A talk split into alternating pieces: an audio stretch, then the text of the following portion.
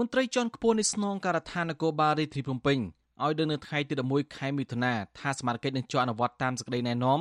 របស់សាលាក្រុងភ្នំពេញដោយសហការជាមួយនឹងកងកម្លាំងឯកភាពខណ្ឌតាមដងទន្លេនៅក្នុងក្រុងភ្នំពេញ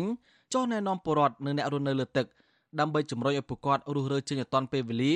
គណៈអសានវិទ្យនឹងត្រូវផុតនៅថ្ងៃទី12ខែមិថុនាអ្នកនាំពាក្យស្នងការដ្ឋាននគរបាលក្រុងភ្នំពេញលោកសានសុកសៃហា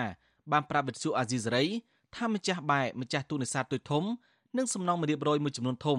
បានសហការជាមួយនឹងសមាជិករស់រើអស់មួយចំនួនហើយតែលោកពុំបានបញ្ជាក់លម្អិតអំពីតួលេខរស់រើបានចំនួនប្រមាណគ្រួសារនៅឡើយទេលោកថាសមាជិកកំពុងរងចាំសេចក្តីសម្រេចពីសាលាក្រុងភ្នំពេញថានឹងត្រូវដោះស្រាយបែបណាទៀតចំពោះប្រជាពលរដ្ឋដែលមិនព្រមរស់រើតាន់ពេលកំណត់ចំពោះសំណួរថាតើសមាជិកនឹងមានវិធានការបែបណាប្រសិនបើពលរដ្ឋមិនព្រមរស់រើអ្នកនាំពាក្យប៉ូលីសក្រុងភ្នំពេញរំនេះ បានបង្វែរសំណួរនេះឲ្យទៅសួរមន្ត្រីសាលាក្រុងភ្នំពេញវិញ។យើងមិនឃើញថាជាប្រដ្ឋមួយចំនួនគឺគាត់បានចូលរួមសហការក្នុងការរុះរើបដាបដាហើយហើយនៅមានមួយចំនួនទៀតតែសន្និបាតផុតការកំណត់ថ្ងៃទី12ស្អែកហ្នឹងអញ្ចឹងនៅពេលដែលមានគោលការណ៍អ្វីទៀតយើងនឹងអនុវត្តតាមហ្នឹងព្រោះក្នុងនាមសមាជិកយើងនឹងចូលរួមអនុវត្តជាមួយនឹងអាជ្ញាធរមូលដ្ឋានគណៈជាការឯកភាពខណ្ឌដើម្បីអនុវត្តការងារហ្នឹងបាទវិទ្យុអាស៊ីសេរីមិនតន់អាចតតងសុំការអធិប្បាយរឿងនេះពីអភិបាលក្រុងភ្នំពេញលោកខួងស្រេងនិងអ្នកនាំពាក្យលោកមេតមាសភក្តីបានទេ នៅថ្ងៃទី11ខែមិថុនាដោយសារទូរស័ព្ទហៅចូលច្រើនដងតែគ្មានអ្នកលើកចំណែកប្រធានសមាគមវៀតណាមលោកសឹមជីក៏វិទ្យុអេស៊ីសរ៉ៃមិនទាន់សុំការបំភ្លឺបានដែរតែទោះបីជាណាលោកសឹមជីបានប្រាប់កាសែតក្នុងស្រុកថ្មីថ្មីនេះថាសមាគមវៀតណាមបានដាក់លិខិតទៅសាលាក្រុងភ្នំពេញដើម្បីស្នើសុំពន្យាពេលរស់រើសម្រាប់ពលរដ្ឋវៀតណាមប្រមាណ1000គ្រួសារដែលកំពុងរស់នៅតាមផ្ទះបណ្ដែតទឹកនិងមានបែចិញ្ចឹមត្រីនៅតាមដងទន្លេក្នុងភូមិសាស្ត្រក្រុងភ្នំពេញ លោកស្នើអាជ្ញាធរក្រុងភ្នំពេញរកទីតាំងថ្មីសម្រាប់ពលរដ្ឋវៀតណាមទាំងនេះដើម្បីឲ្យពួកគាត់អាចបន្តមុខរបរចិញ្ចឹមត្រីបានដូចដើមតកតទៅនឹងបញ្ហានេះយុវជននៅរាជធានីភ្នំពេញលោកពុតកលកាគាំទ្រចំពោះចំណាត់ការអាជ្ញាធរប៉ុន្តែលោកស្នើរដ្ឋាភិបាលបន្តអនុវត្តវិធានការនេះនៅទូទាំងប្រទេសដើម្បីស្ដារបរិស្ថានទន្លេនិងសុខភាពសាធារណៈលោកយល់ថាអាជ្ញាធរត្រូវពិនិត្យមើលពីភាពស្របច្បាប់របស់ជនជាតិវៀតណាមរស់នៅលើទឹក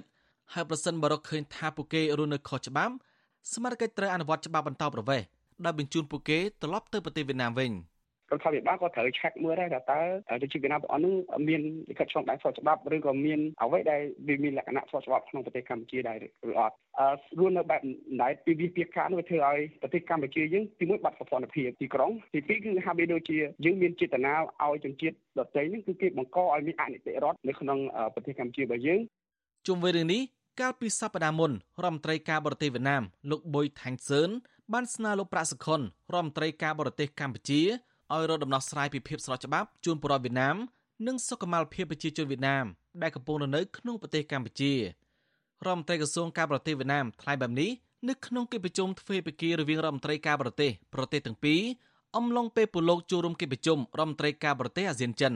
និងកិច្ចប្រជុំស្ដីពីកិច្ចសហប្រតិបត្តិការមេគង្គឡានឆាងលើកទី6នៅប្រទេសចិន។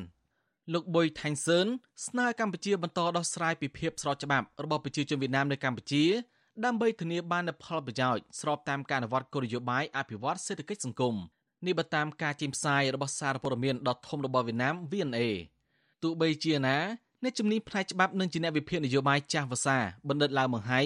មានប្រសាសន៍ថាវិធានការរបស់រដ្ឋបាលក្រុងភ្នំពេញដើម្បីការពារបរិស្ថានទន្លេគឺជាករណីកិច្ចដែលមានចែងក្នុងខ្លឹមសាររដ្ឋធម្មនុញ្ញ លោកថាវិធានការរបស់អាជ្ញាធរគឺអនុវត្តតាមច្បាប់ពុំមានប្រទេសណាមួយមកជ្រៀតជ្រែកបានទេ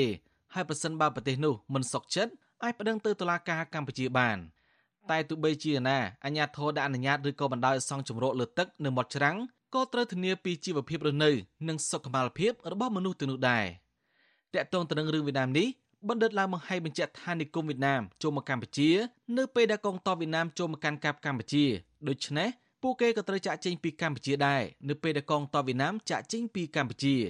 លោកសង្កត់ធ្ងន់ថាទាំងកងទ័ពវៀតណាមនិងនិគមវៀតណាមបានចូលមកកម្ពុជាដោយខុសច្បាប់អន្តរជាតិដូច្នេះកម្ពុជាមានមូលដ្ឋានច្បាប់អន្តរជាតិសម្រាប់ឲ្យវៀតណាមទទួលយកជនជាតិរបស់ពួកគេទៅវិញមកទល់ពេលនេះអាញាធមមិនទាន់បង្ហាញទិន្នន័យច្បាស់លាស់ចំពោះអ្នកស្នាក់នៅលើបាយចិញ្ចឹមត្រីផ្ទះបណ្ដែតទឹកនិងសំណង់រៀបរយទាំងអស់នៅឡើយទេតែសមាគមវៀតណាមនៅកម្ពុជា បានអះអាងថាជនជាតិវៀតណាមជាង1000នាក់ស្នាក់នៅលើផ្ទៃទឹកក្រុងភ្នំពេញយូរឆ្នាំមកហើយខណៈមានជនជាតិវៀតណាមជាង100ផ្ទះបានបណ្ដាលពីខេត្តកំពង់ឆ្នាំងចូលមក